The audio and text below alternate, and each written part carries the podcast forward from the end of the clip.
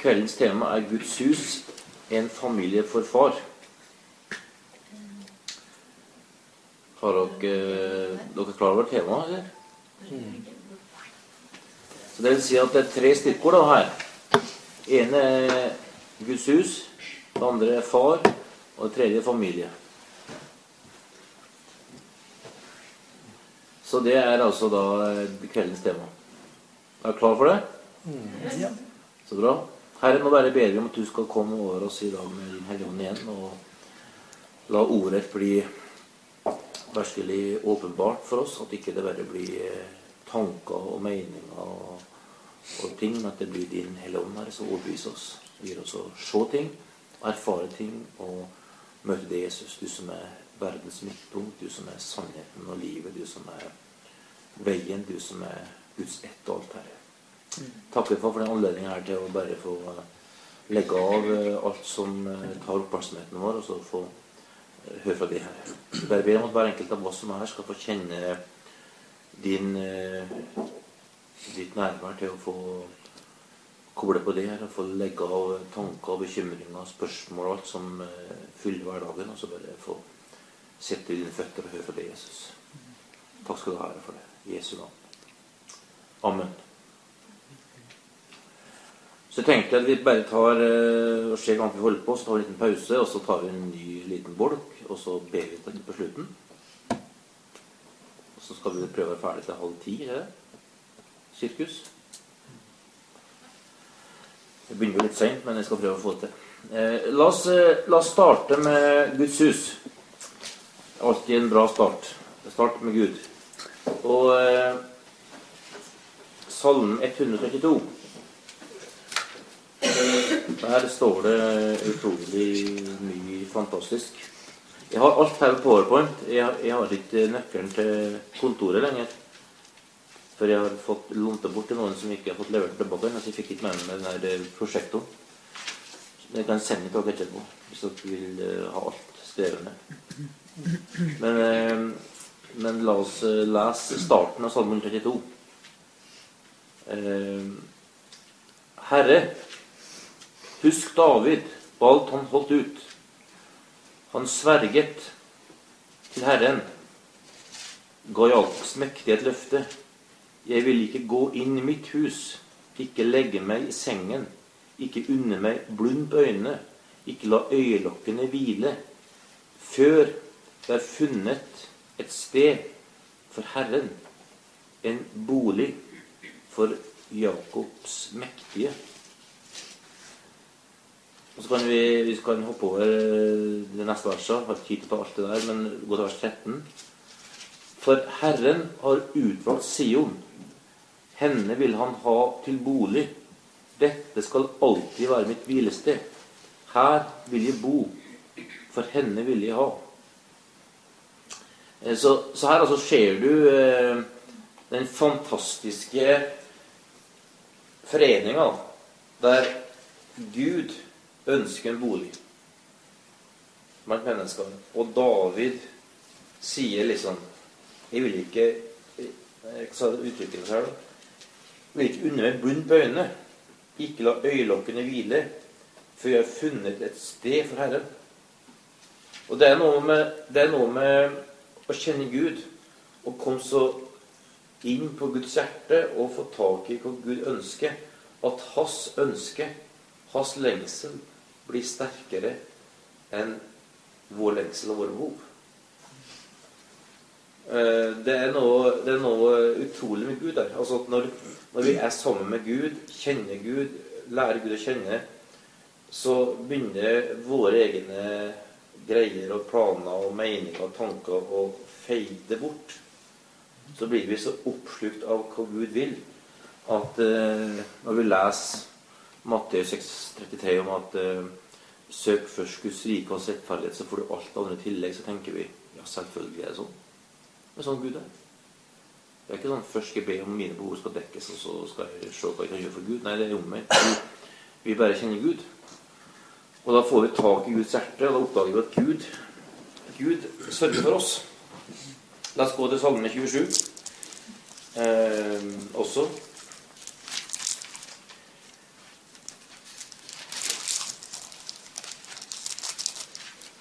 En utrolig spennende salme.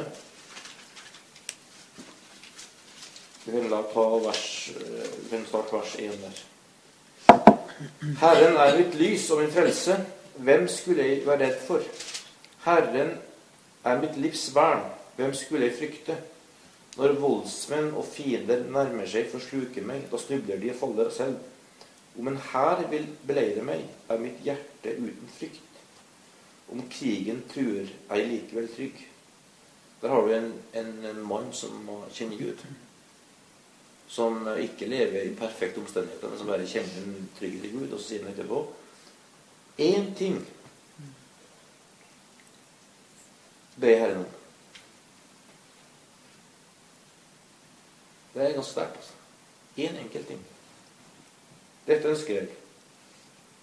Det ordet 'ønsker' her er veldig sånn sterkt 'desire' på engelsk. Altså Det er sterkere enn en, en wish. Altså det er en, en passion, en, en lidenskap der. Å få bo i Herrens hus alle mine dager, så jeg kan se Herrens skjønnhet og være i Hans tempel. Han gjemmer meg i sin hytte på den, på den onde dagen. Han skjuler meg i sitt telt og løfter meg opp på klippen. Jeg ikke, skal, skal ta mer der, men her ser du en David, altså. Der han, uh, der han uh, har ett ønske. Det er å få bo i Herrens hus. Og det er det aller største i livet. Så det her med Herrens hus er utrolig sentralt for alle som kjenner Gud. Og hvis vi går til andre Mosebok 25, så ser du der hvordan Moses fikk da oppdraget med å bygge Guds hus. Da ser vi da hvordan Guds lengsel kommer til uttrykk igjen. Der han midt i vandringa av ørken uten de store tinga rundt seg og muligheter, så bygger han et telt for Gud. Og så sier Gud til ham der La dem reise en helligdom for meg, så vil de bo midt iblant dem. Denne boligen og alt som hører til den, skal de lage nøyaktig etter den modellen jeg viser deg. Så der skjer det igjen altså, at når Gud får folket ut av Egypt, får et folk for seg sjøl, og de er under vandring De er ikke kommet fram ennå, de er underveis. Men de har bare så fint kommet seg ut av, ut av Egypt, fått rydda plassen sin, kommet, fått fara ut av verden, kommet seg inn i ørkenen og er liksom underveis. Sier nei, jeg må bo her. Jeg må bo her. Så bør vi telt dem. Og så skal det være sånn og sånn og sånn. Og så har han da fra, vers, fra kapittel 25 og helt til vers 40, kapittel 40, altså i 15 kapittel, så beskriver han det teltet, som er Guds bolig blant dem, i sånne detaljer at uh, en manual til stereoanlegg eller en komfyr er liksom bare bagateller, på en måte. Men her er manualen. Sånn skal det være i mitt hus. Sånn skal det være. Kom an. Så Gud er opptatt av det. Så, så, det er veldig interessant å se at, at når vi får tak i Guds hjerte og Guds lengsel, så får vi tak i lengselen i Guds hus. Og alle da de som kjenner Gud i gammel pakt, har ett ønske La oss bygge et hus for Gud. Og vi har ikke tid til å gå inn på alle de, men vi kan, vi kan se litt på noen av dem. F.eks. Esekiel, som profeterer om Guds hus. Esekiel 37.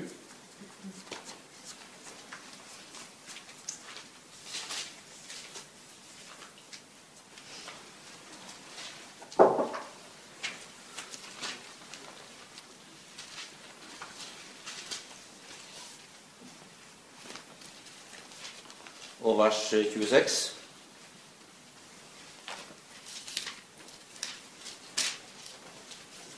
Trettisju, 26? 37, 26.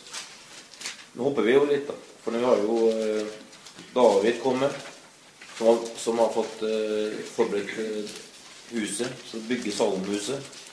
Og så skjer det jo frafall, og de blir bortført, og det, det er alltid mye action. Eh, mens profetene blir oppreist for igjen å, eh, å, få folket tilbake til Gud og få bygd igjen huset i, for de som er vendt tilbake. Men så, så skjer de lenger da, enn bare sin egen tid. Og i kapittel 37 i vers 26 så ser vi da hvordan Esekiel snakker framover og sier der Jeg slutter en fredspakt med dem. Det skal være en evig pakt.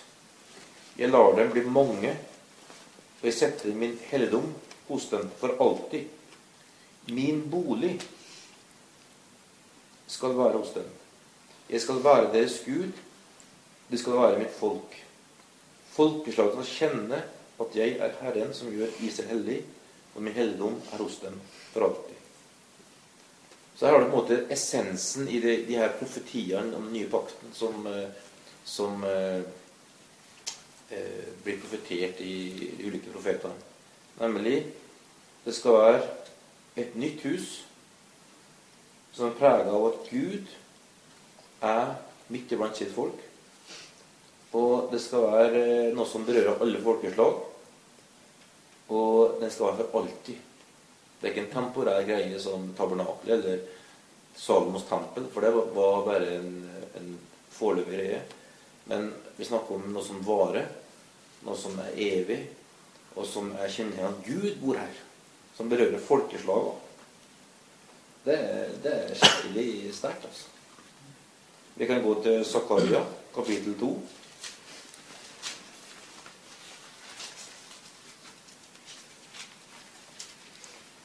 Det er et av mange andre profetiske ord, men det er veldig interessant.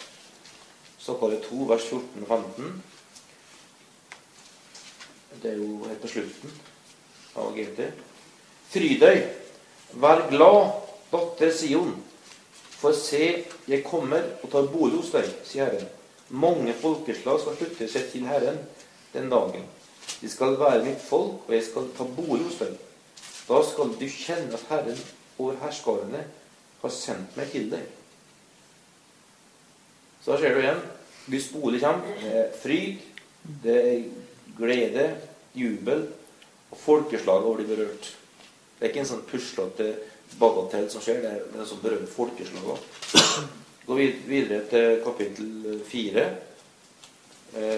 Der hele kapittel fire handler jo om Guds, Guds hus. Og der sier han jo vers Vi kan ta vers 6 og utover. Dette er Herrens ord til Serubabel. Ikke ved makt, ikke ved kraft, men i min ånd, sier Herren og herskarene. Hvem er du, store fjell? Foran Serubabel skal du bli til en slette. Herren skal føre fram sluttsteinen under jubelrop. Nåde, nåde være med den. Herrens ord kom til meg. Serubabels hender har lagt grunnen til dette huset, og hans hender skal fullføre det. Da skal du kjenne at Herren og herskarene har sendt meg til dere. For de som viste forakt for dagen da de begynte i det små, skal lede seg når de får se blysteinen i Serubabels hånd. De sju til Herrens øyne som farer over jorden. Her får du da et, et profetisk, en profetisk bilde og profeti over det nye tempelet.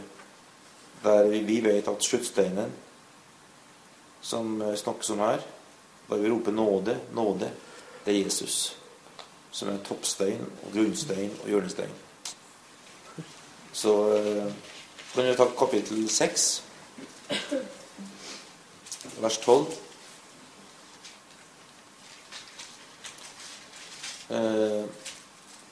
Du skal si til ham Så sier Herren over herskarene, se en mann.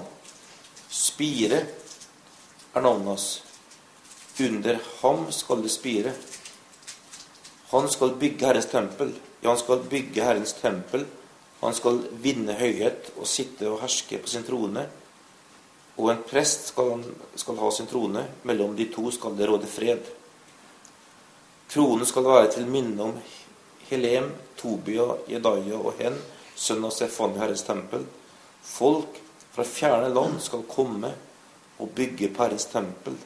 Da skal dere kjenne at Herren over herskarene har sendt meg til dere. Dette skal skje hvis dere lyder røsten til Herren deres Gud. Så det skjer igjen og igjen altså at, eh, at Guds hus, å bygge Herrens hus, og, eh, og Gud skal bo blant sitt folk, er en sånn rød tråd da, i hele, i hele den gamle pakt, spøker og profet, profetiske ord, og eh, som er, peker framover til Jesus.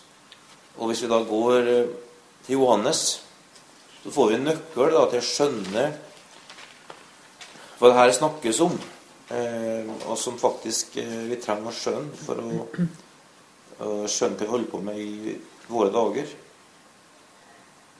For eh, her er jo Jesus da, som har kommet. Og så har det vært bryllup i Kanaan, der det ble lite vin, så Jesus ordna ca. 380 liter ekstra vin til festen. Og så kommer den da til påske, og det, det kommer inn i tempelet, og der er det fylt av eh, business, salg. Og eh, han blir skikkelig eh, vred. Tar sånn svepe og driver ut folka som selger. Og så står det fra vers 16 eh, To. Unnskyld. Kapittel to. Johannes 2, vers 16. Og til dem som solgte duer, sa han, få dette bort, gjør ikke min fars hus til en markedsplass. Disiplene hans husket at det står skrevet, brennende iber for ditt hus skal fortære meg. Da ser du Jesus, da. Han er et utrolig brennende iver for Guds hus.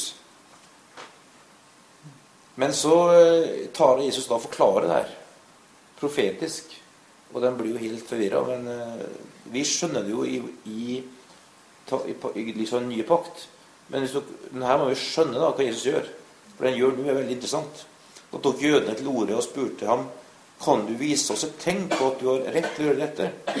Jesus svarte dem riv ned dette tempelet.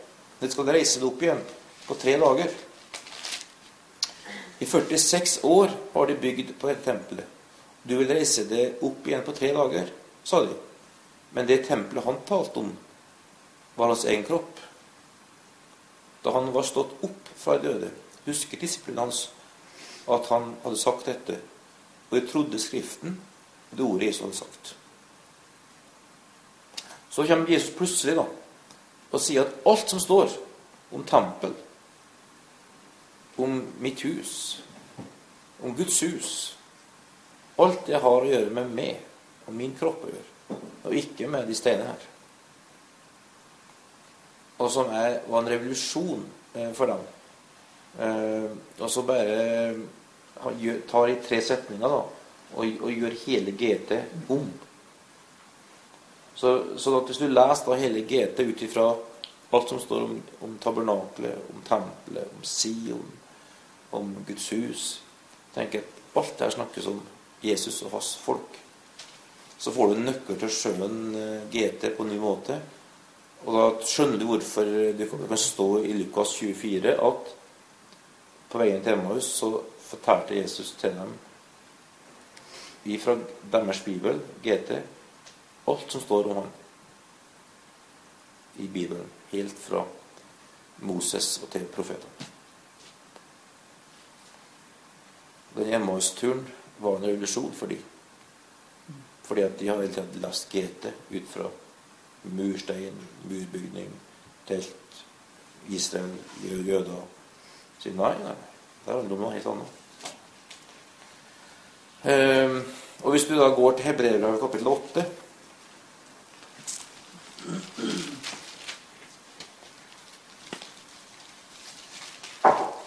vers 5 så har du en kjempeinteressant eh, forståelse av, av For hebreere er skrevet til jøder, som har en veldig forhold til jødisk kultur og skikker og, og GT.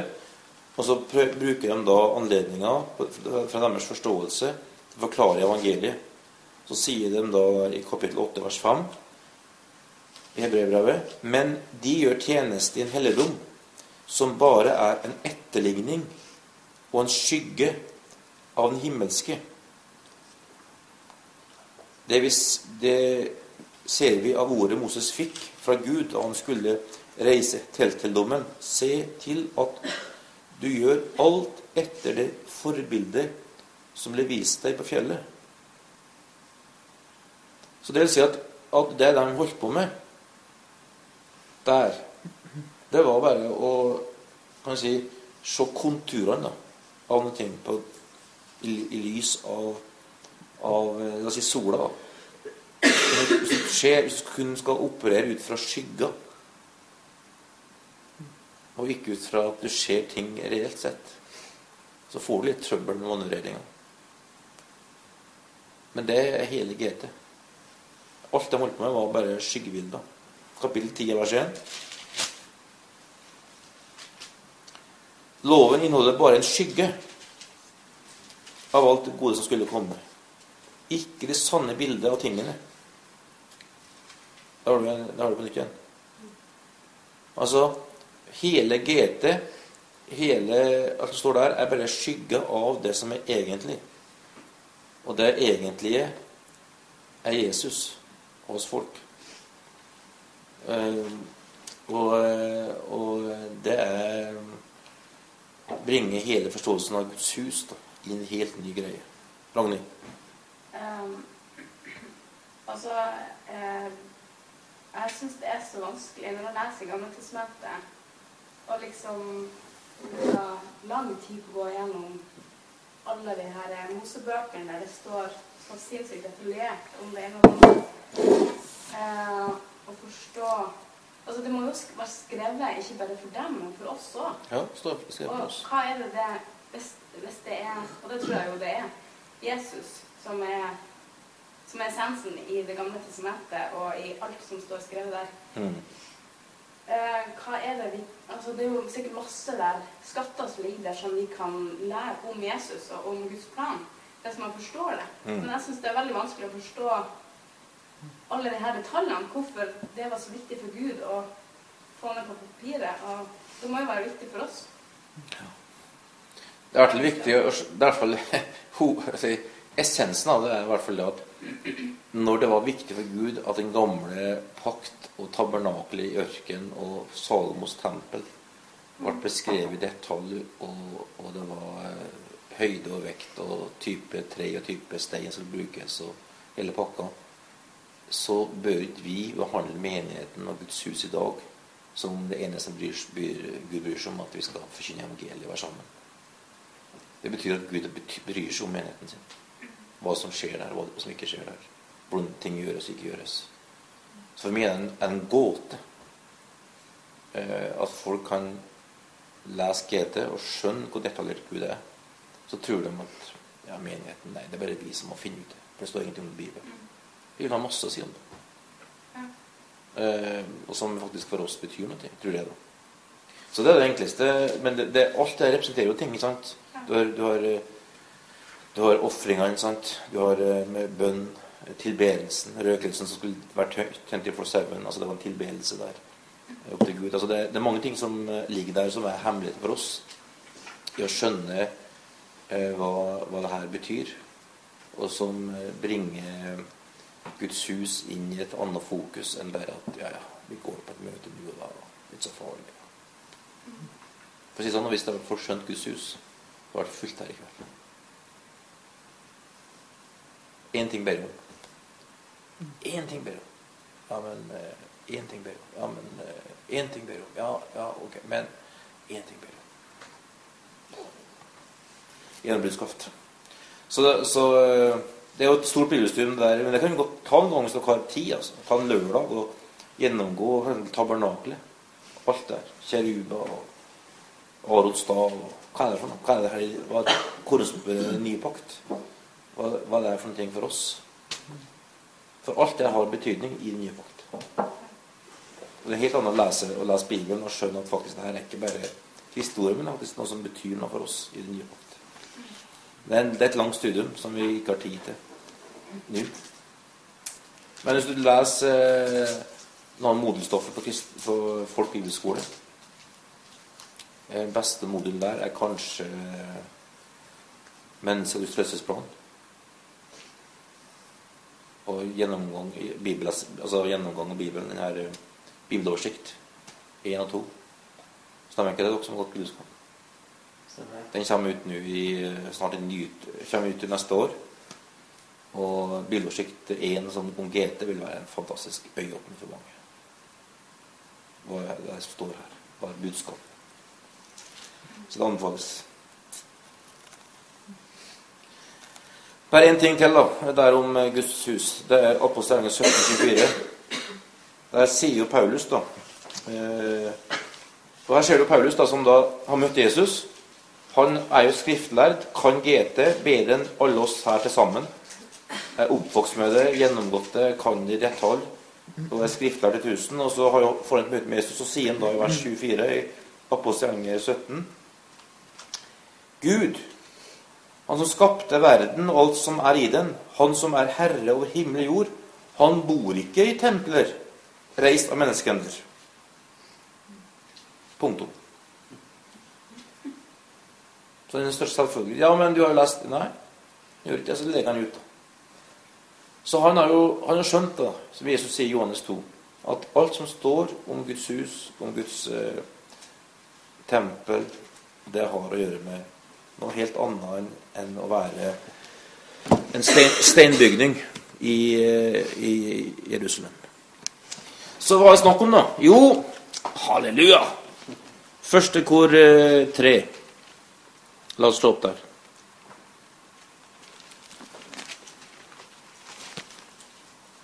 Jeg tar bare enkeltvers, da, men kan, jeg gir opp denne vers som dere kan måte bruke for å gå litt inn i det sjøl og, og, se sammenhengen her.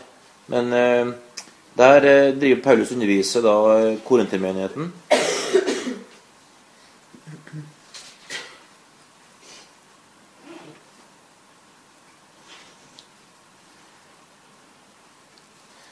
Eh, 1. Korinter 3,16.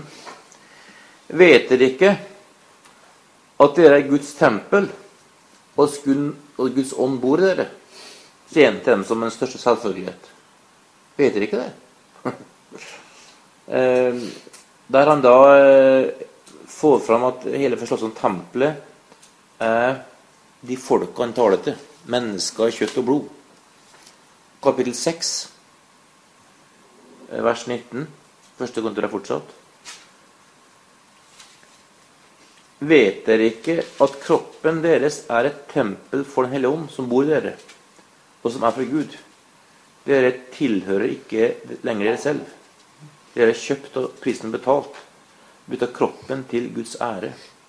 Så her tar da, tar da Paulus veldig sånn djervt og frimodig og og veldig tydelig si at Guds tempel er ikke lenger stein, det er folk. Og Da kan du gå tilbake til GT og lese alt i nytt lys. For da er skyggebildet over. Da er realiteten der. Og, og det er Det er ganske annerledes. Efesene 2, vers 20.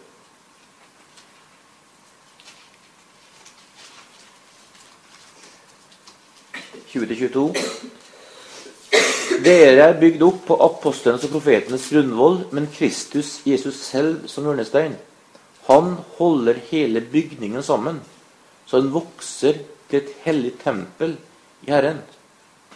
Og i ham blir, blir også dere bygd opp til en bolig for Gud i ånden. Så, så her har du eh, hele, hele essensen igjen. da at eh, han snakker om en, en, bolig som har en grunnvoll, dvs. Si en åpenbaring av Jesus som kommer gjennom profeter og apostler, som Kristus som hjørnestein. Altså Kristus er målestokken. En hjørnestein i eh, en, den datidens byggekunst var en målestokk som var brukt for å få eh, rette vinkler, og som alt ble målt ut ifra. Så Jesus er målestokken i alt av eh, sitt hus. Det er han som holder sammen. Det, si det er han som binder oss sammen. Og den vokser. Og det er en bolig for Gud, ikke for oss, først og fremst. Og det er radikalt, altså. Så menighet er egentlig ikke for oss. Det er egentlig for Gud. Og det forandrer hele, vår, hele perspektivet vårt. da. Fordi at vi tenker at ja, vi trenger menighet, og vi må ha en menighet som er god for ungene og god for fellesskap og for vennskap. Og jeg trives best der. Og så menighet hvor du vil. Og jeg trives best der, og der er det mest folk av min type, eller best forkynnelse, eller nærmest plassen der jeg bor, eller hva som helst. Mens hele perspektivet til Paulus er en bolig for Gud.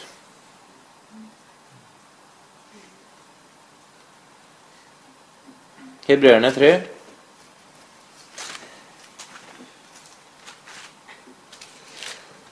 Blir det mye bilvers, det henger nok på?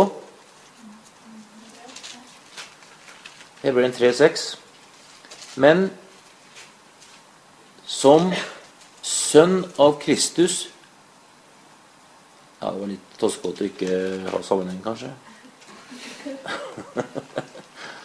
Eh, her driver man da og, og for, altså Hebreerbrevet er jo egentlig en forståelse eller formidling av Jesus. Eh, at han ikke er bare et menneske, men en sann Gud og sant menneske. Han er større enn engler, kapittel 1. Og i kapittel 3 så kommer han da at han er større enn Moses, som var en stor stamfar, som ga dem loven. Så sier han da vers 5 i kapittel 3 Moses var trofast som tjener i hele Guds hus for å vitne om det som en gang skulle forkynnes.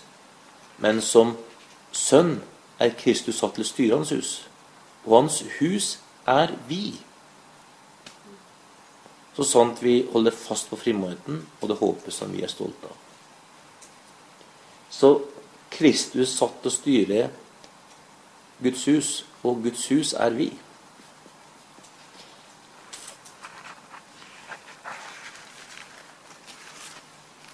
Første Peter 2.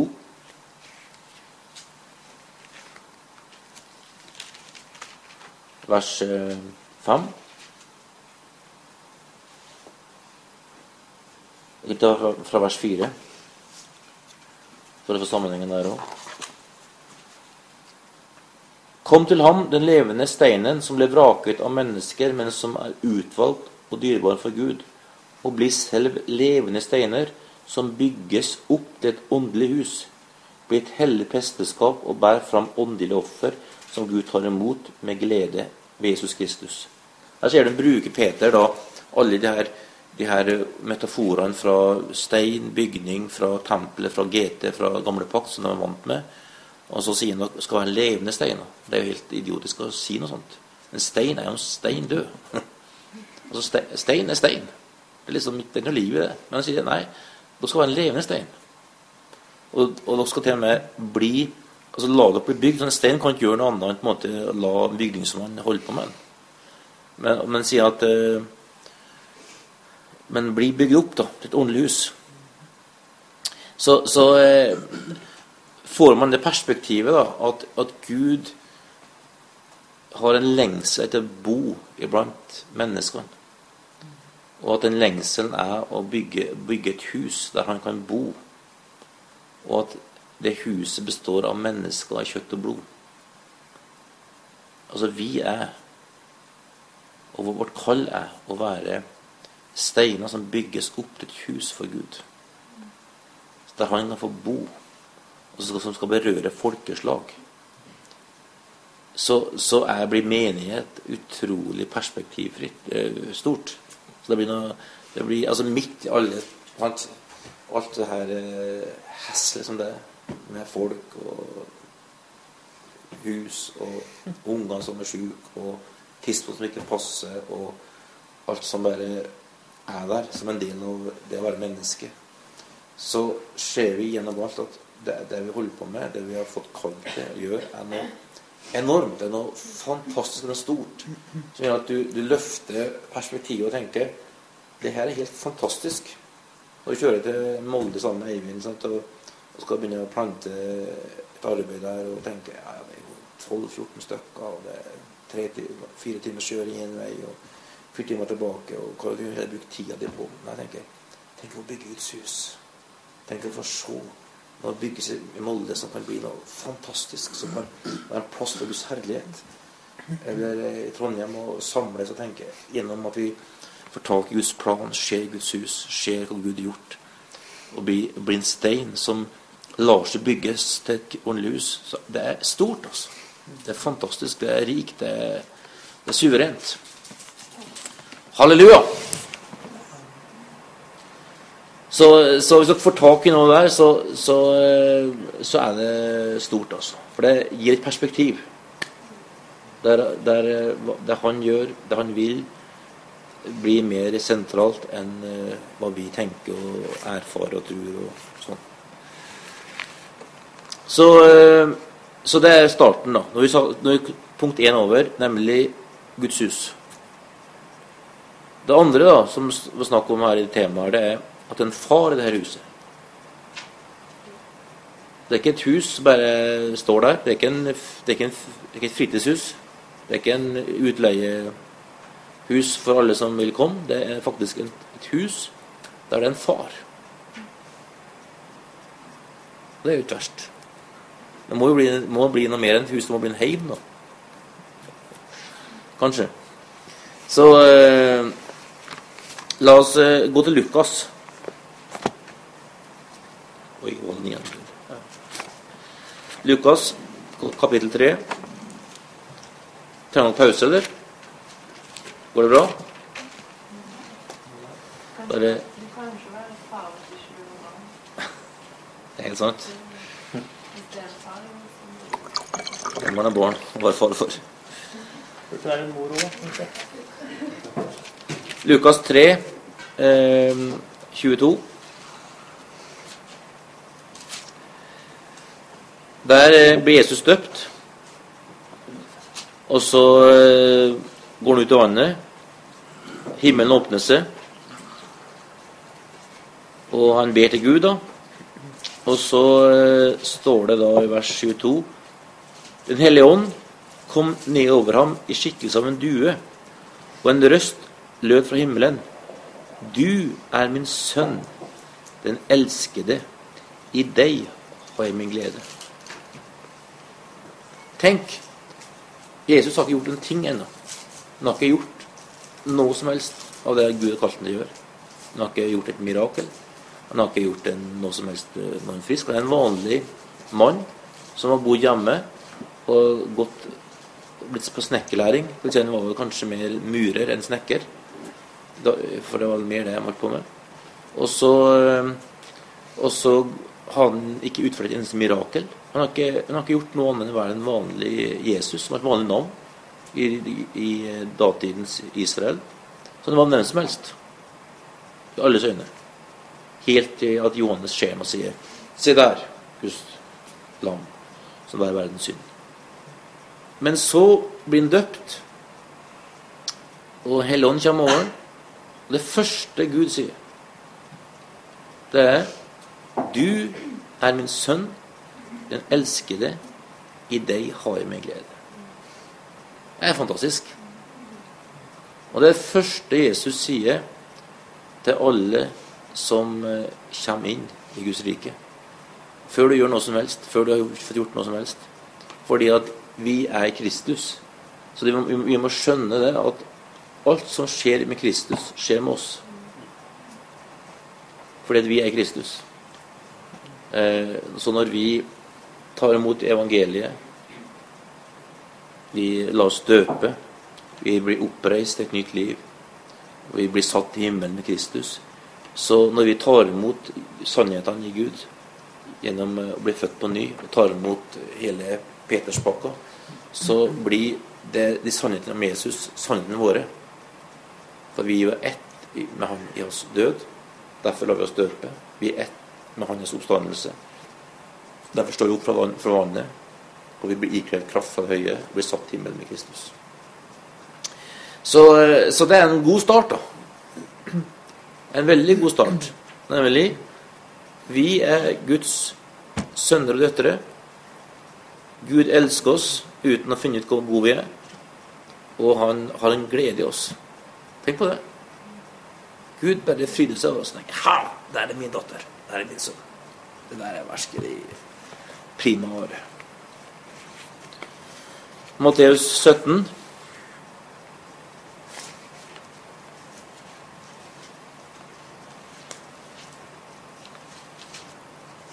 Da hadde han jo holdt på en stund og eh, tjent Gud. Og så er han da på eh, fjellet sammen med Jesus og får, eh, og får se herlighet. Får åpenbaring med Jesus. De møter Moses og Elia der oppe. Og så kommer da den nye røsten da fra himmelen igjen. Og den sier det samme. Vers 5. Dette er min sønn, den elskede. I ham har min glede. Hør ham.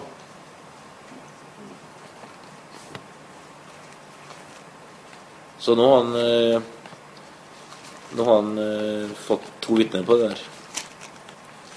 Så kan vi se opp i andre Peter.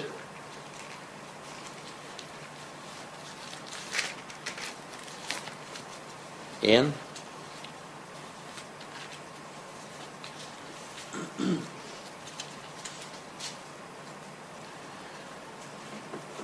Vers 17. For han fikk ære og herlighet av Gud sin far den gang røsten lød over ham fra det høyeste. Dette er min sønn, elskede. I ham har jeg min glede. Hørte selv den røsten fra himmelen da vi var sammen med ham på det hellige fjellet. Så det er vitner Peter da, om det der. Så, så det, er, det, er, bare et utrolig utgangspunkt da, med å kjenne Gud. Og eh, vite at vi er Guds sønner og døtre. Vi er elska av Gud, og han har sin glede i oss. Det er fantastisk perspektiv. Og Hvis vi går til Johannes 5, eh, Johannes evangelium, kapittel 5, så har vi en skikkelig utgreiing om eh, forholdet mellom eh, Gud og eh, og Jesus og Gud som far. Jeg skal ikke lese alt det der, men vi kan starte litt fra vers 16 i kapittel 5. For der, der, jobber jo Jesus skikkelig for å få de fariseerne og jødene til å skjønne hva han holder på med. Og han eh, har en hard jobb, da, fordi at de er jo veldig opptatt av Gud langt borte, Gud er hellig, Gud er, lang, han, Gud er, er ikke nærheten av menneskene. Det er blasfemi å ta Guds navn i sitt, sin munn. Det å kaller Gud for far, er i hvert fall blasfemi. Og Jesus ble jo drept for blasfemi. For å si at han hadde med Gud å gjøre. Så det var jo egentlig dødsårsaken hans. Lege, sånn legitimt sett. Men fra vers 16 sier han da fordi Jesus hadde gjort dette på sabbaten, altså helbreda Han der mannen ved Betestadammen, begynte jødene å forfølge ham. Men, men, han sa til dem, 'Min far arbeider helt til nå. Også jeg arbeider.' Etter dette var jødene enda mer opptatt av å få ham drept. For ikke bare brøt han sabbaten, men han kalte også Gud sin egen far, og gjorde seg selv Gud lik. Tenk på det. Jesus tok til orde og sa til dem, 'Sannelig, sannelig, sier dere, Sønnen kan ikke gjøre noe av seg selv, men bare det han ser far gjøre. Det far gjør, det gjør også sønnen. For far elsker sønnen og viser ham alt det han selv gjør. Og han skal vise ham større gjerninger enn dette, så dere kan, skal undre dere. Så, så far elsker sønnen og viser ham alt det han selv gjør. Og Det er noe, noe, av hemmeligheten med å skjønne Guds hjerte. da, Å være, ha, ha Gud som far. Da skjønner at far faktisk han elsker å dele ting med oss. Han elsker å, å, å vise sitt hjerte med sine barn. Og det kjenner vi igjen. Alle, alle vi som er fedre her, kjenner vi godt igjen det der. At vi ønsker det. Johannes 17 kan vi ta en hopp dit òg.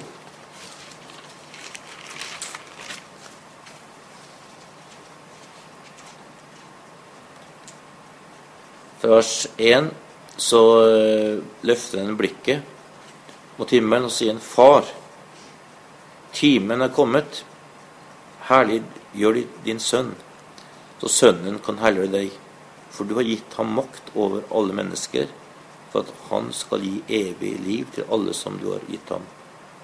Og dette livet, dette er det evige livet, at de kjenner deg, eneste sanne Gud, og ham du har sendt, Jesus Kristus. Jeg herliggjorde deg på jorden da jeg fullførte den gjerningen du ga meg å gjøre. Far, gi meg nå din herlighet, den herligheten som jeg hadde hos deg før verden ble til. Det er åpenbart ditt navn for de mennesker du ga meg fra verden. De var dine, du ga meg dem, og de har holdt fast på mitt ord. Altså videre og så videre. Så altså Jesus åpenbarte sitt, hvem Gud er, og viste oss hvem Gud er. Og, eh, og det, det, fellesskapet da, som er mellom Jesus og far, er da det fellesskapet han bringer oss inn i og lar oss få lov til å gå inn i gjennom sin døde oppstandelse. Der vi kan ha det her intime, nære fellesskapet med Gud, som bare er helt uh, fantastisk. Uh, vi kan gå til vers uh, kapittel 20 i Johannes. Johannes er jo full av det her. Hele Johannes evangelium er full av ting her. Men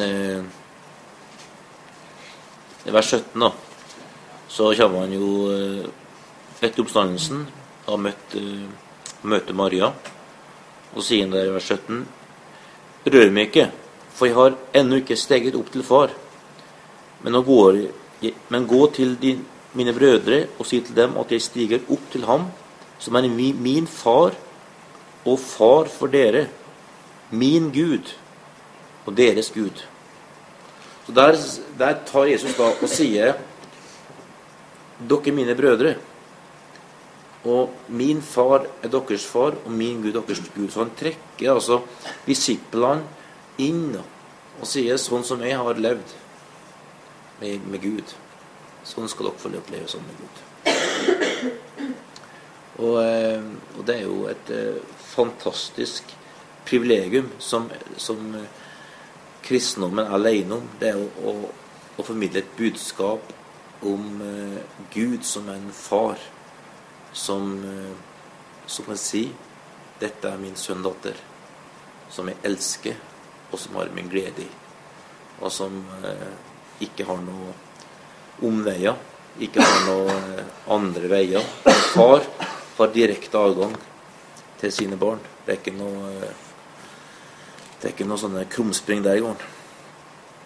Og eh, du ser jo den, den her historien Lukas 15, som ikke vi skal gå så hardt inn på, men du kan lese den ut fra det perspektivet. Der du har to sønner. Den ene sønnen som eh, stakk av og tok arven med seg og for og ødela alt. Kasta bort pengene og ble et vrak men som da ble gjenoppretta gjennom en far som møtte han. Men det hele, start, hele bygger på en relasjon. Altså, han fikk lov til å gå. Han fikk lov til å stikke av med heiarven. Han tvang, tvangs inn på han. Han tok aldri og stakk og dro etter han. Han bare venta på han og så etter han og sa 'Jeg vil ha han tilbake' og som viser kjærlighetens som er hoved, hovedutfordringa med kjærlighet. Da. Så Hovedutfordringa med kjærlighet i en menighet også det at alt er frivillig. Alt er relasjonelt. mennesket valgte å synde og forlate Gud. Det var et valg hun gjorde. Og for at Gud ikke er en robot, men er kjærlighet, så var det et valg de kunne ta. For et, et kjærlighetsrelasjon har alltid en frivillighet. Du må velge å elske. Og, og så eh, viser vi da her i, i Lukas 15 hvordan da den bortkomne sønnen som da har tatt og ødelagt arven og ødelagt livet sitt, blir gjenoppretta gjennom å frivillig igjen si 'Jeg vil tilbake til far'. Og han tror han kommer til en herre som bare vil gi ham mat og arbeid, men så han kommer tilbake til pappa, så gir han turban, som gir han fest, og som gir han da tilbake verdigheten og barnekåret og samme posisjon, fordi at han er en far i natur, og ikke bare en, en stor gårdsbestyrer. Og så har du den andre sønnen, som eh, har gått der hele tida. Hjemme. Men som har oppført seg som en tjener. Fordi at han gjorde det rette. Han tjente. Han var, han var en som bare lærte seg å leve ut reglene. Gjør ikke tinga og gjør jobben på gården. Og så kommer han og møter festen som han, han her drittsekken av en bror har, har eh, fått som bare er ødelagt, og får skikkelig trøbbel. Fordi at han har ikke skjønt at det er snakk om et kjærlighetsforhold. Da han sier til en eh, i vers 31 Barnet mitt, du er alltid hos meg, og alt mitt er ditt. Så det er så mye du ikke får tak i hvis du har et sånt tjenerforhold til Gud. Et sånt eh, en sånn, en sånn greie at Gud er Gud er langt borte, og Gud er, har sånne og sånne regler, og du må følge det, det livet, og det er sånn og sånn du skal oppføre det, og det er alt ytterstyrt. Altså, du, du kan være midt i Guds eh, rike, altså. Du kan godt være, holde på på gården og tjene, gjøre masse godt, men du går glipp av masse greier, altså. For det at eh, Jesus sier alt mitt er ditt. Bli med på festen. Kom igjen. Bli med på, og, og på party. For, hva du skal få tjene, men du skal få lov til å det, men det er mye mer. Du skal få lov til å være en, en sønn og en datter som får lov til å oppleve gleden og, og vennskapet som Jesus inviterer oss inn i Johannes 15 der. Sant? Vi kaller ikke lenger tjenere, vi kaller det venner. For en tjener vet ikke hva, hva oss Herre gjør, men eh, dere er mine venner. Så det er, en, det er en nærhet der vi kjenner Gud og vet hva Han vil. Som gjør at denne byen her kommer til å bli totalforvandla av, av sånne folk, fordi at de kjenner Gud. Vet hvor Gud vil.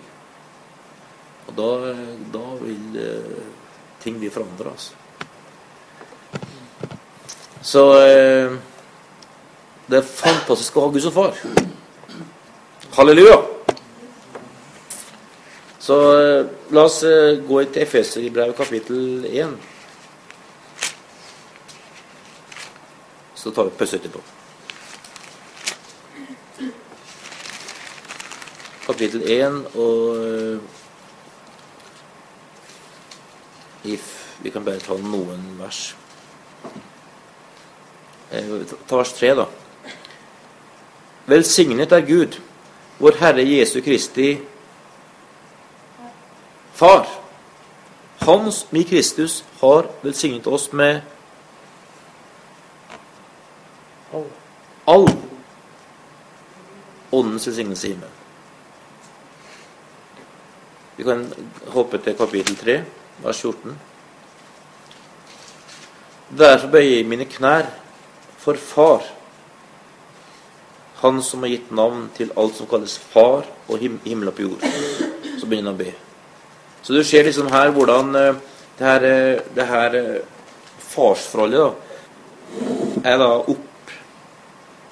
opphavet og opprettholdelsen av alt liv, og som definerer hvem vi er. Så, så det er det fantastiske at uh, vi er definert av uh, hvem Gud er. Ikke ut ifra titler, hudfarge og språk. Og en sånn forståelse av Gud skaper en, en utrolig trygghet og robusthet og kreativitet og raushet og autoritet. For at Gud er pappaen vår. Da var det bare å løfte blikket og spenne fast sikkerhetsbeltene og komme seg av gårde. Altså. Vi er, vi er Guds barn. Elsker Gud, som han frydes over.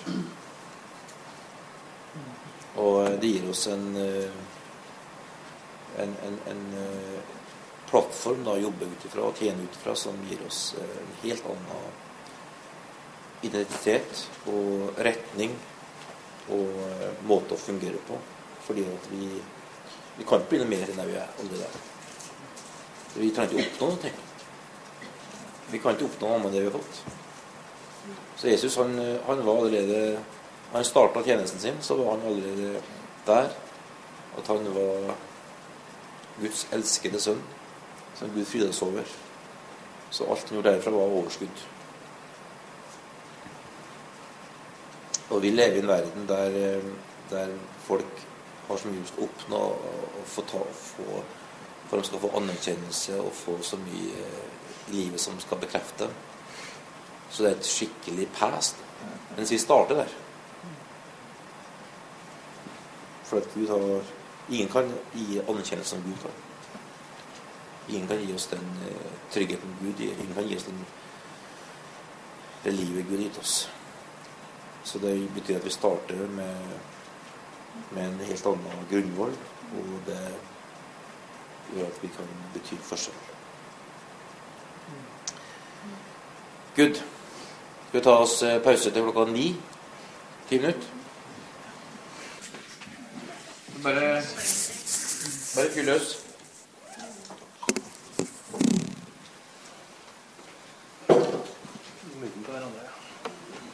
I munnen på hverandre. Gjennom gangen. Helst. Skulle egentlig ha tatt det før pausen, for da var det enda ferskere. Okay.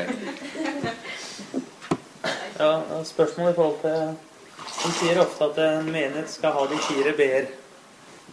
Ja. Bibel, bønn, broderskap og Besluttelse. Bibel, bønn, broderfellesskap og brødsbrytelsen, ja. Mhm. Men så har du lovsang òg, da. Det er jo en type bønn, da.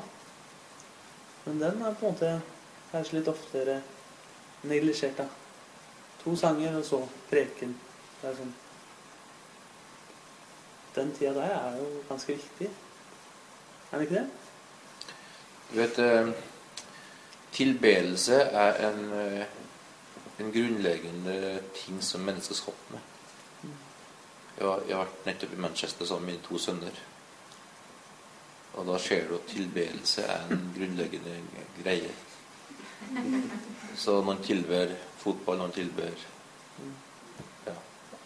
Så tilbedelse er en del av det menneskelige altså skap, Gud skapte oss for å tilbe. Og det er kun ved å tilbe Gud at vi blir oss sjøl. Så, så hele aspektet som Apostlene 2 sier der, så er jo, er jo eh, tilbedelse en del av det som står der. Sant? Du ser at de, de tilba Gud i tempelet. Så, eh, så, hele, så, så bønn i, eh, i den bibelske forståelsen av bønn er det mye mer tilbe Gud enn å be om våre behov. For våre behov blir dekt når vi tilber Gud. Så bønn er mye er ikke Når vi leser bønn, så leser vi Jesus hjelp meg med ditt og hjelp meg med datt. Mens det er bønn i en bibelsk kontekst det er mye mer eh, Gud, du er konge, Herre, og bøyes for dem. For det har også mye med å ta del i Guds plan å gjøre. Så, så, så i bønne Spørsmålet er hva vi definerer ting da, inn i de tingene her. Men tilbedelse er grunnleggende. altså. Bare se i Alle får tilbedt et eller annet. Uansett hvor ateistisk du er. Man, noen tilber jo vitenskapen. Så, så vi er alle tilbedere på et eller annet område. Og det skjer i hvert fall hvis du drar på sånne typiske ta konserter eller Justin Bieber eller Alex Ferguson eller samme. Det er tilbedelse. Jeg tenkte på en ting i forhold til at det med Guds hus eller At det å at menigheten er for Gud, og at det å være uh, Å bygge Guds hus på en måte er Guds plan. Mm. Uh, så av og til så savner jeg litt den der eh, Eller ikke savner, men at vi på en måte eh, Jeg syns ofte det er så mye sånn jag etter at eh, det vi ikke har. Du skjønner? Eller Mm. der vi ikke er. Eller der vi skulle ha vært. Eller oh, ja, de ja. vi skulle ha Det vi skulle ha sett, eller skulle Mm. ha fått, eller skulle ha skulle ha Ja. Men at For hver annet du Jeg var ble på merket til hver gang du sa eh, noe at At det å Det er et mysterium sånn som den menigheten. Eller det er måte et svær greie, men det er òg Guds ønske og plan på en. Og vi er jo i det òg. Mm. Vi er faktisk i det òg. Og at det liksom det eh, på en måte, At det å kunne være både begeistra og, og tilfreds og, og stolt Mm. over det. Mm. På en måte, og, på en måte, og glede oss over at vi Mm. er faktisk i Guds plan. Det er ikke bare noe der framme som vi skal oppnå eller finne eller få til. Jeg vet ikke, av og til så skjønner jeg sjøl at jeg litt for ofte er i den der Vi har ikke helt klart det ennå. Mm. Mm. Greia. Jeg vet ikke hvis det, det er å gjøre Gud glad. Jeg, tror- jeg tror han på en måte som far og ønsker å se ungene altså barna sine sånn eh, Sånn som han sønnen som du snakket om, som Ja. var igjen hjemme. sant? Mm. Selvfølgelig er det ting vi på en måte skal kan innta med og sånne Mm. ting. Men det er sånn ah, balansegangen der at det ikke ja, jeg skjønner. Nei, Det, altså, det, for, det er for meg veldig konkret der. Altså fordi at fordi det sett Guds hus og Guds plan og, og menigheten og Guds hus, så vil jeg heller være en del av den flokken her. Fordi at fordi at ikke vi for Framtida ligger her for meg. Fordi at vi tenker oss så Det her vil vi ha tak i. Selv om vi er så langt unna det bildet av menighet som vi ser her, at vi har en stor jobb framfor oss, så vil jeg heller være her fordi at det er det vi ser. Det er veien vi går. Så vi sier at ja, jeg vet Bibelen sier noe om lederskap, men vi har noen prester som er utdanna og får jobb på den måten, så vi godtar det. Da tenker jeg når vi godtar det, så går vi ut av Guds plan. For da, godtar vi en ting som Bibelen ikke sier noe om.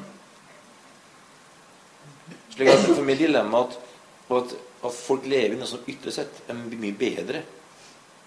Mange av dere vil ha, sikkert ha bedre barnemøter enn andre menigheter for ungene deres. For de har mer folk og mye ressurser og mye mer eh, stæsj på en måte. Men for at vi ser noe her, sier vi sånn som Abraham sier, eller bo i telt. Vi har sett noe enn å bo i en by. Fordi at eh, den byen har ikke noe framtid. Men visjonen som Gud gir, har noe i seg som er framtida. Det, og det som førte meg ut av, av det som jeg var i sjøl, var at Og gikk ut av ingenting. For jeg tenker, det jeg har sett, passer ikke med at vi kan godta menighet på våre premisser. Der vi bare sier at ja, men det, det funker praktisk. Det funker. Det hjelper ikke om det funker. Det sitter i Guds ord. Og det, det det å være en pilegrim og være en profetisk folk, som du sier der. Du må, vi må glede oss over vi må Være glad og fryde oss over, over at vi har møtt Jesus personlig som Herre, og, og møtt andre som vi har et fellesskap i. Midt i sant? Kjem hit, det er stengt, det er halvkaldt, lokale passelig, dårlig oppmøte. Pytt, pytt, altså. Hallo. Det har skjedd noe. Her inne i kilden. Sant? Det, og det, og komme dit er et. Det er befriende. For da er du styrt Ja, men der er det beste forkynnelsen, der er det beste lovsangen, der er det beste anlegg, der er det best Ja, og så? Det anlegget kan blåse bort på null time. Det er ikke framtida der.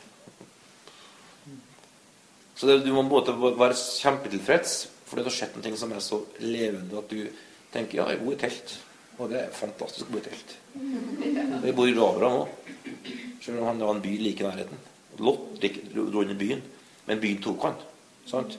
Og det er dilemmaet for meg. Det er å se alle de som sier ja, men det er bedre lovsang der. Det er bedre, ja. Og så kommer du til møtet, og så tenker jeg Jeg trodde noen gang på det med tjenestegaver, men jeg fant ut at det, det jeg trodde ikke på lenger. Jeg trodde noen gang på Bibelen som Guds ord på de tingene der, men det, det funker bra nå. Ok. Så blir lott lott. da. Altså du blir påvirka av samfunnet byen du bor i. Slik at kristne i Norge ofte sier ja, jeg tror Bibelen, men, men, men Og så kan ikke Gud bruke dem til noe som helst. Fordi at eh, samfunnet rundt påvirker dem. Kvinnespørsmålet, f.eks. Guds ordning, er jo snart svær greie. Ja, men det funker jo. Ja, ja. Bare at det blir ikke huset Gud, vel. Og det, det er det store dilemmaet. En visjon av Guds hus blir så sterk for oss at eh, vi, vi faktisk velger å bo i teltet. Ikke for at vi skal bo i telt resten av livet. Vi tror på Guds hus skal bli stort og svært, og folkeslag skal forandres. Men, men, eh, men den visjonen er mer levende. At vi ta, takler det teltet framfor å bo flytte i byen. Det har vært mitt, min, min bønn da, for mitt liv og, og vårt liv og at vi ikke skal bli som Lotta. Som går og gremmes. Så det står at han pinte sine sjel, står det Lot. Man bodde så nært innpå de andre at de ble så påvirka at han kunne til og med ofre døtrene sine til voldtekt for å berge folk. Og tenke da hadde du blitt så prega at du kunne ofre kjæreste du har. Tenk Gud i himmelen også, hva meg bo i telt. Også. Hvor mange som selger ting. Selger opp over overbevisning. Selger for, for pes og kamp. Ja, ikke så farlig. Bare selg det ut.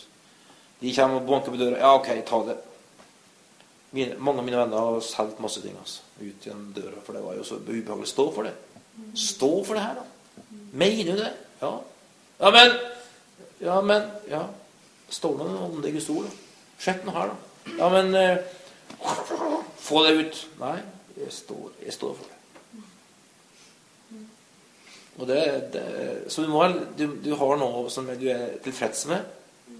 Samtidig så er du så kjempeutilfreds at du tenker Åh, Gud i. Så den der kampen der, altså, er veldig reell. I hvert fall for oss som passer 50 og føler at vi har ikke mer enn 30 år igjen. Jeg blir mer og mer utålmodig, for jeg, ja, jeg følte jeg hadde så god tid for 30 år siden. Hæ? Har Ja.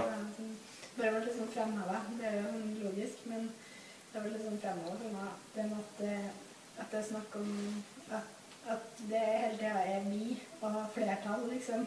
Og at vi blir bygd opp på en dårlig Gud. Det står ikke 'du blir bygd opp', liksom. Mm, mm. Og Gud og Guds hus er vi, ikke Ja. du, liksom. Og at, eh, at det er snakk om levende steiner som blir bygd sammen. Ja. At det handler liksom om å, å stå sammen da, Ja. med alt det innebærer. Ja. Sånn Sant? Ja, absolutt. Det er jo det siste punktet. For når vi snakker om Guds hus, om far, og da er det familien som er igjen. Som er naturlig. Så la oss slå opp i Efeserbrevet, kapittel eh, 2. Der vi var i stad. Eh, vi har lest eh, det før. Der står altså at eh, i vers 18 Gjennom ham har, vi, har både vi og dere adgang til Far i en ånd. Derfor er dere ikke lenger fremmede og utlendinger, men dere er de helliges medborgere og Guds familie. Dere er bygd opp på apostlenes og profetenes grunnvoll, men Kristus selv som hjørnestein. Hans, han holder hele bygningen sammen, så den vokser til en hellig tempel i Herren. Og i ham blir også dere bygd opp til en bolig for Gud i ånden. Så Der har du hele det aspektet da, av at eh, vi, vi, har uh, eh, oppdaga Guds hus. Vi har møtt far, og da også oppdager vi familien vår. Det er liksom så enkelt, altså. Og da står det at vi har adgang til far i én ånd. Og, eh, og, det der med å, å skjønne da, at Den hellige ånd er, er en, en hellige ånd gir oss en forståelse av fellesskapet i Gud som ingenting annet kan gjøre. Første kontra 12.13 sier jo at vi er alle døpt til, med én ånd til å være ett legeme. Så Den hellige ånd altså er den sterkeste fellesskapsfaktoren som Gud gitt oss. For gjennom Hellig ånd oppdager vi åndelige sannheter som ikke vi skjønner menneskelig sett. Derfor er det umulig å bygge menighet uten Helligånd. Da blir det organisasjon. Da blir det en eh, klubb. Altså alt som har med fellesskap å gjøre i verden. Det kan være ulike ting. Det kan være klubb, det kan være, det kan være eh, forening, det kan være eh, et lag som har en felles målsetning. Og det kan være en bedrift som har et oppdrag og en, og en forretningsplan. Men Helligånd, dåpen Helligånd, gir oss å skjønne at vi er en kropp. Og det er bare en, en radikal oppdagelse. Derfor så vil, eh, vil eh, et åndsfylt kristenliv alltid føre folk sammen, og ikke fra hverandre. Og Det er det, det rare i Norge at mange kobler Den til rare ting. Folk som, som blir selvfokusert og hallusinert og henger seg på tapeten og jodler og står i. Men, men faktisk er et kristent, eh, kristen forståelse det at et helligåndsliv fører oss sammen. For det er en helånd. Det Dåpen hellig ånd. Vi, blir, vi, vi, skjønner at vi er døpt til å være én kropp. Og, eh, og, det er en utrolig åpenbaring for, eh, for, oss. Så hvis vi går til Johannes, eh, første Johannes brev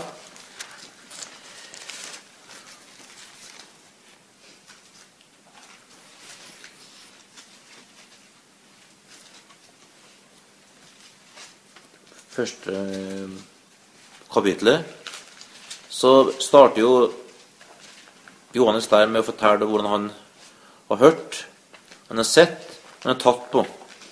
Så han, eh, han kommer med en kjempesterk eh, erfaring at han har møtt Jesus. Dette er ikke legender, dette er ikke bare, dette er ikke bare god historie. Han har hørt den, han har sett den, han har tatt på den med sine egne hender. Så det er en forkynner. Og siden av vers 2.: Og livet ble åpenbart. Vi har sett det og vitner om det og forkynner det for dere, det evige liv, som var hos Far og ble åpenbart for oss. Det som vi har sett og hørt, forkynner vi også for dere, for at dere skal ha fellesskap med oss. Vi som har fellesskap med Far og med Hans Sønn Jesus Kristus. Og dette skriver vi eh, for at gleden skal være fullkommen. Dette er budskapet vi har hørt av Ham og forkynner for dere Gud er lys. Det finnes ikke mørke i ham. Sier vi at vi har fellesskap med ham, men vandrer i mørket, da lyver vi, og vi følger ikke sannheten. Men dersom vi vandrer i lyset, slik han selv var i lyset, da har vi fellesskap med hverandre, og blodet fra Jesus, hans sønn, renser oss for all synd. Så her kobler Johannes da, ut, utrolig sterkt det fellesskapet med far og hverandre. Og Det ser han jo hele, i hele Johannes eh, brev. Så snakker han om at du kan ikke elske Gud som du ikke har sett, hvis ikke du elsker de som du kan se. Og i kapittel 5 og vers 1 eh, så sier han jo at enhver som tror at Jesus er Kristus, er født av Gud. Og den som elsker Gud, som er født oss, elsker også den som er født av ham. Så det er, så det er logikk, altså. Hvis vi tror på Jesus, så er vi født ovenfra av Gud. Og er vi født ovenfra av Gud, så elsker vi alle som er født av Gud. Så da, da er vi egentlig Det er ikke noe alternativ lenger. Og, og, det er denne forståelsen da av at uh, vi har kommet inn i Guds familie, som da uh, gjør det her uh, livet og menighetslivet komplett forskjellig. da. For min del i forhold til forståelsen av menigheten for Gud. For da er det ikke lenger eh, prega av, av bedriftstenking, prega av, av bokser, av roller, av titler av eh, ansvarsområder, men det er prega av familie. Og eh, det er bare helt konge. Så eh, bare, bare, hør her. Eh, Efesene 3. Så tenk, tenk, på Paulus og tenk på menigheten. Derfor bøyer vi knær for Far, Han som har gitt navn til alt som kalles Far, himmel og på jord må Han som er så rik på herlighet, gi dere deres indre menneske kraft og styrke ved sin ånd. Altså her, her, eh, her ber han for dem individuelt. Det indre mennesket skal bli styrka. Må Kristus ved troen bo i deres hjerter, så dere står rotfestet og grunnfestet i kjærlighet. Må dere sammen med alle de hellige bli i stand til å fatte bredden og lengden, høyden og dybden, ja, kjenne Kristi kjærlighet, som overgår all kunnskap, må dere bli fylt av hele Guds fylde, Han som virker i oss med sin kraft, og kan gjøre uendelig mye mer enn det vi ber om forstår. Ham være ære i Kirken og i Kristus Jesus gjennom alle slekter og evigheter. Amen. Så formaner jeg dere på bakgrunn av det jeg skrev at vi skal sammen med alle hellige fatte. Sier. Så må formane dere, jeg som er fanget for Herrens skyld, at dere lever et liv som er verdig det kallet dere har fått. Altså skjønner vi kallet vårt, da. Skjønner vi hvem vi er. Så må vi leve i tråd med det. Så igjen, og i mildhet, ydmykhet og storsinn, så dere bærer over med hverandre kjærlighet. Sett alt inn på å bevare åndens enhet i den fred som binder sammen. Skikkelig sterke ord, altså. Sett alt inn på. Så, så det er en, en oppdagelse da, av, av eh, familien som Gud har ført oss sammen i, inn i, der vi faktisk Gud har inviterer oss inn da, til å demonstrere sitt liv sitt familieliv, sitt kjærlighetsliv, gjennom det vi, det vi har eh, kommet inn i som Guds familie. Så det vil si at vi må sette da det bare åndens enhet og leve i mildhet, ydmykhet og storsinn og overbærenhet hverandre i kjærlighet. Sett alt inn på det. Det vil si at vi setter sette det framfor alt annet. Tjenesten vår oppgaven vi har, opplevelsene vi har av å ikke bli sett og hørt, skuffelsene vi møter med kristne som behandler oss feil eller overser oss. eller ja, Regler er lang som et vondt år. Alle som har lært, lært, levd nært noen, vet hva det medfører. Setter vi alt inn på det her, så kan egentlig ingenting av de skuffelsene, og erfaringene og opplevelsene der gjøre noe i oss eh, som gjør at vi vi skilles eller, eller går fra hverandre og dermed bryter opp Kristi kropp. Og det er, det radikalt, altså, i dagens eh, Kristen-Norge. Og i, no, i verdens Kristen-Norge, dessverre. Så, så det, Paulus er jo kjempeklar på tingene her. Og eh, bare ta, ta litt da, om hva det her betyr i praksis. Så kan vi slå opp i, i Romerne, kapittel 12.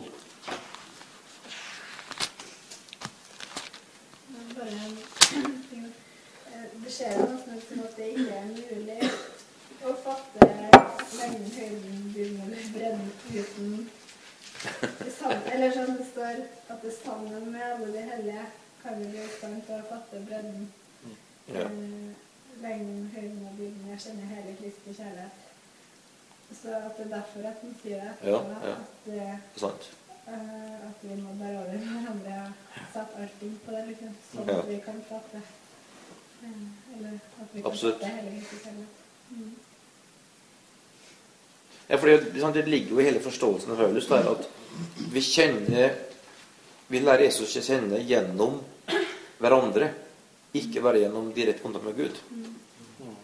Og det er sant, Hvis du tenker Ofte historisk sett, sett da, så tenker vi at vi, vi lærer Gud å kjenne gjennom Guds ord, gjennom bønn og eh, lovprisning. Og så lærer Gud å kjenne, og så er vi sammen om det fordi vi er samme familie. Eh, og så må vi bare takle det der eh, greia der med å være sammen. Og det enkleste er å ikke se, ikke se hverandre i øynene, bare se hverandre i- nakken, og så være på samme sted. Eh, da takler vi det. Mens, mens det som Bibelen beskriver her, det er jo faktisk at vi lærer å kjenne Gud gjennom hverandre, fordi at vi formidler Jesus på ulik måte gjennom den personligheten Gud har gitt oss. Så jeg, jeg skjønner mer av Kristus ved å bli kjent med Sondre. Og bli kjent med Marius. Andreas. Og det er radikalt. For da, da er det ikke lenger bare Gud og meg.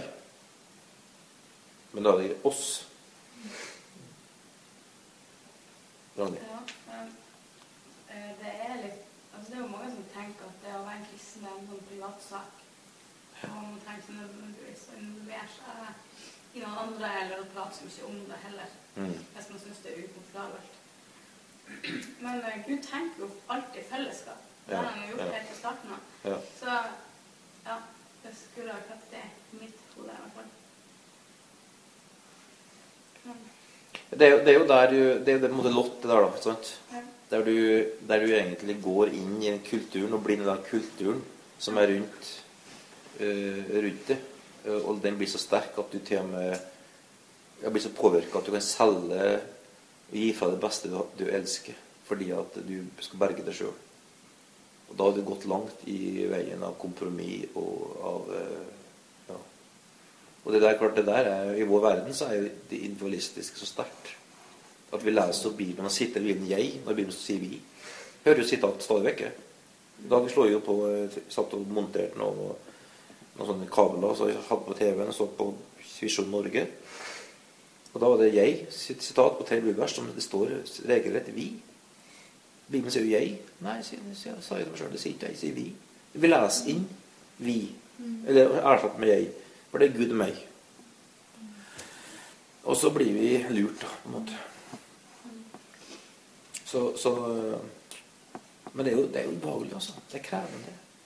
Det er, det er ikke enkelt, altså. Derfor trenger vi visjon å se. tenker jeg. Det er verdt det. Å, Herre, du skal få det.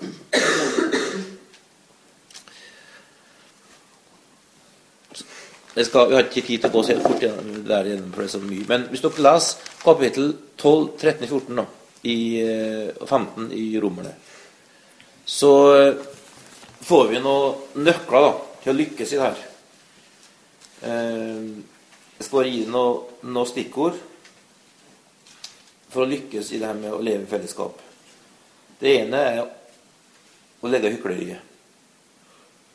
Det er det første som kommer fram i Romerne 12. Det er altså Skal vi lykkes, så må vi kjenne Gud som far og bli ferdig med hykleriet, slik at vi ikke driver spiller skuespill for hverandre, men lever reelle liv.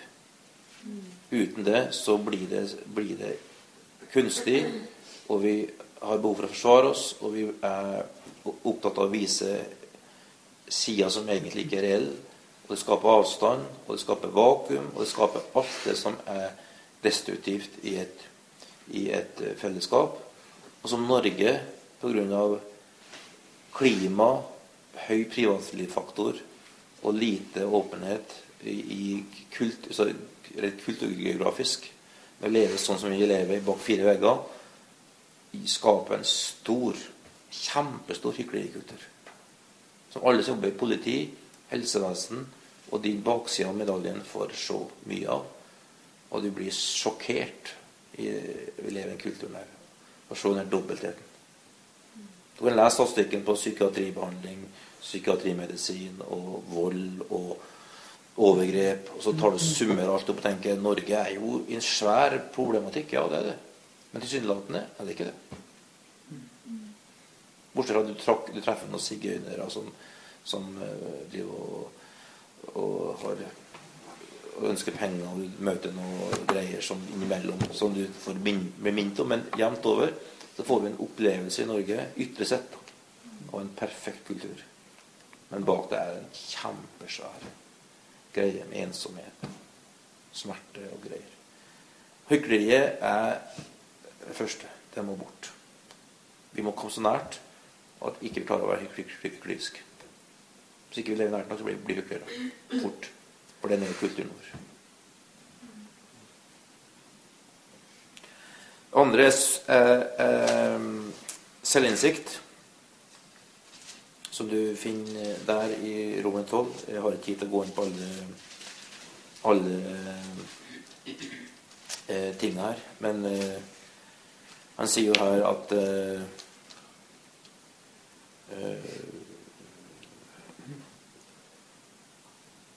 Tenk ikke for store tanker om deg selv, men tenk sindig. Det er en god sjølinnsikt. Kapittel 12, vers 4. Tredje det er bedømme ting på avstand og ha masse mening om andre. Det må bort, skal vi lykkes i det her. Vi må slutte å være tilskuere og være, ha masse mening om ting. Meningskulturen, der vi ser ting på avstand og ikke lever nært nok og ser rent nok på ting, eh, eh, hindrer familielivet. De fleste av oss blir mye nyansert hvis nærmere vi kommer en, en problemstilling. Det er kjempelett å sitte i sofaen og si ja, sånn er det der, og de har det slik, og der må det skje en forandring på. Men det kommer nært nok og tenker ja, det er kanskje ikke rart at det er sånn det der det funker. Det er kanskje ikke sånn enkelt det der egentlig. Det er ikke så Så det, det, det å, å, å, ikke bli med på den der meningskulturen, der vi, der vi bedømmer ting langt unna, eh, en viktig side. Det er også en del av den norske kulturen vi må være obs på. Fjerde det å leve i tro sjøl, ikke være styrt av andres meninger. Finn alt det her i rommene, altså. Tolv år år Eh, men svare for Gud sjøl og, og eh, faktisk eh, stå for det du gjør, og ikke gjør det som andre gjør fordi at de gjør det. Hvis ikke du har tro for det, la være. Femte fokus på omsorg og kjærlighet, ikke skikk og bruk. Som er en uh, viktig greie. Sjette tjene Gud som kilde, ikke hverandre. Det vil si hjelp hverandre, back opp hverandre, oppmuntre hverandre med kilde Gud. Ikke for å få noe igjen, ikke for å bli sett og hørt som hovedfokus, for da blir vi skuffa.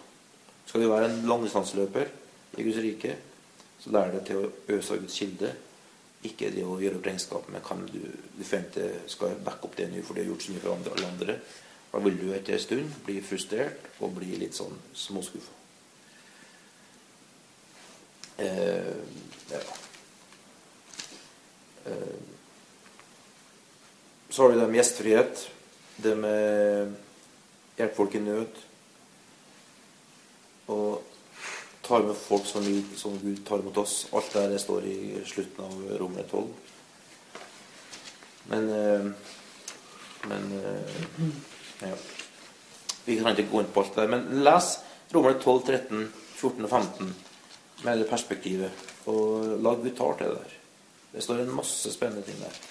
I forhold til å bygge robuste, sterke familieliv. Som gjør at vi ikke driver eh, og ødelegger fellesskapet med ubevisst tenking.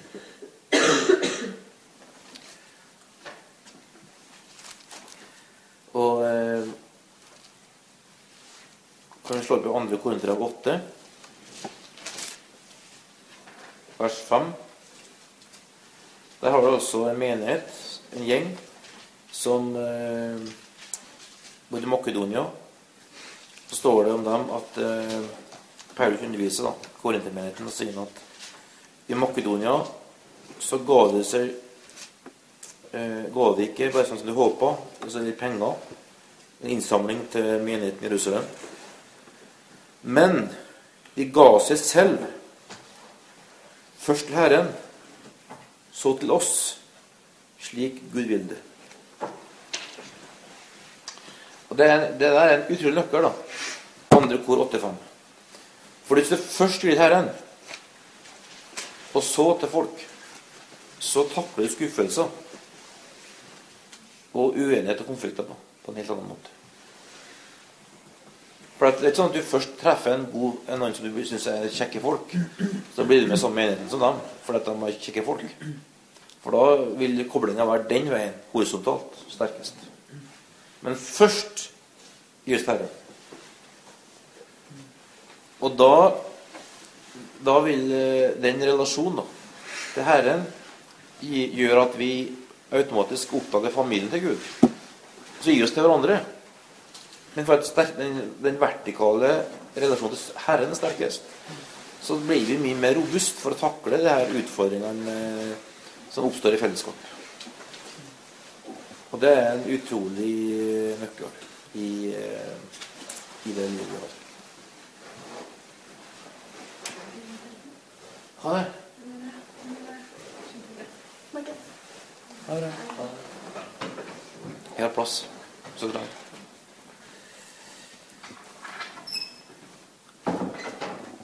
Er dere forsynt? Fem minutter til. Klarer dere det? det, så det er en viktig side.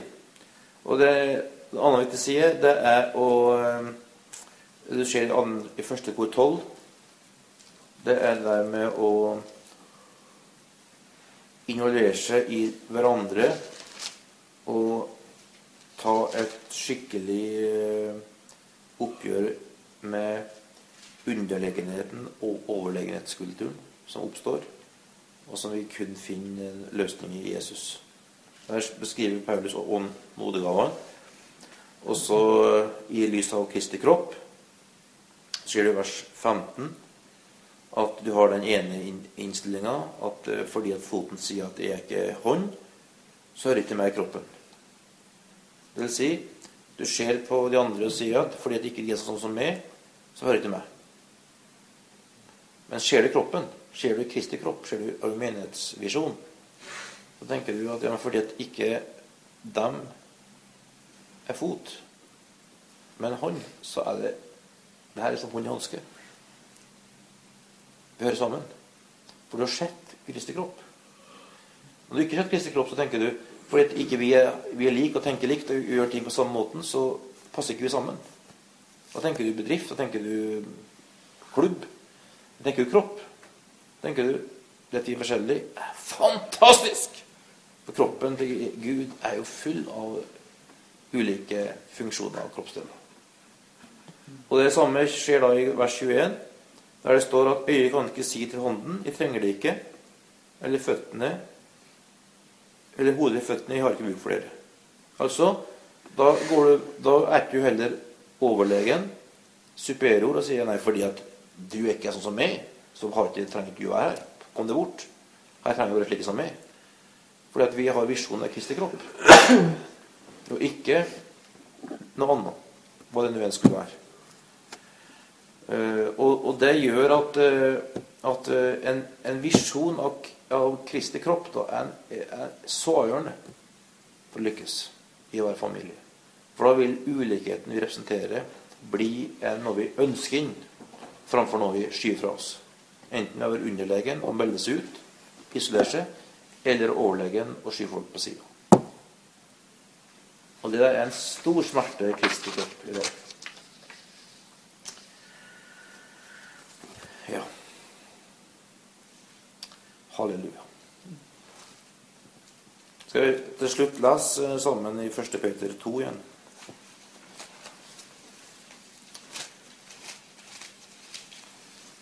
Vers 4-5. Kom til den levende steinen som ble vraket av mennesker, men er utvalgt og dyrebar for Gud, og blir selv levende steiner som bygges opp til et åndelig hus.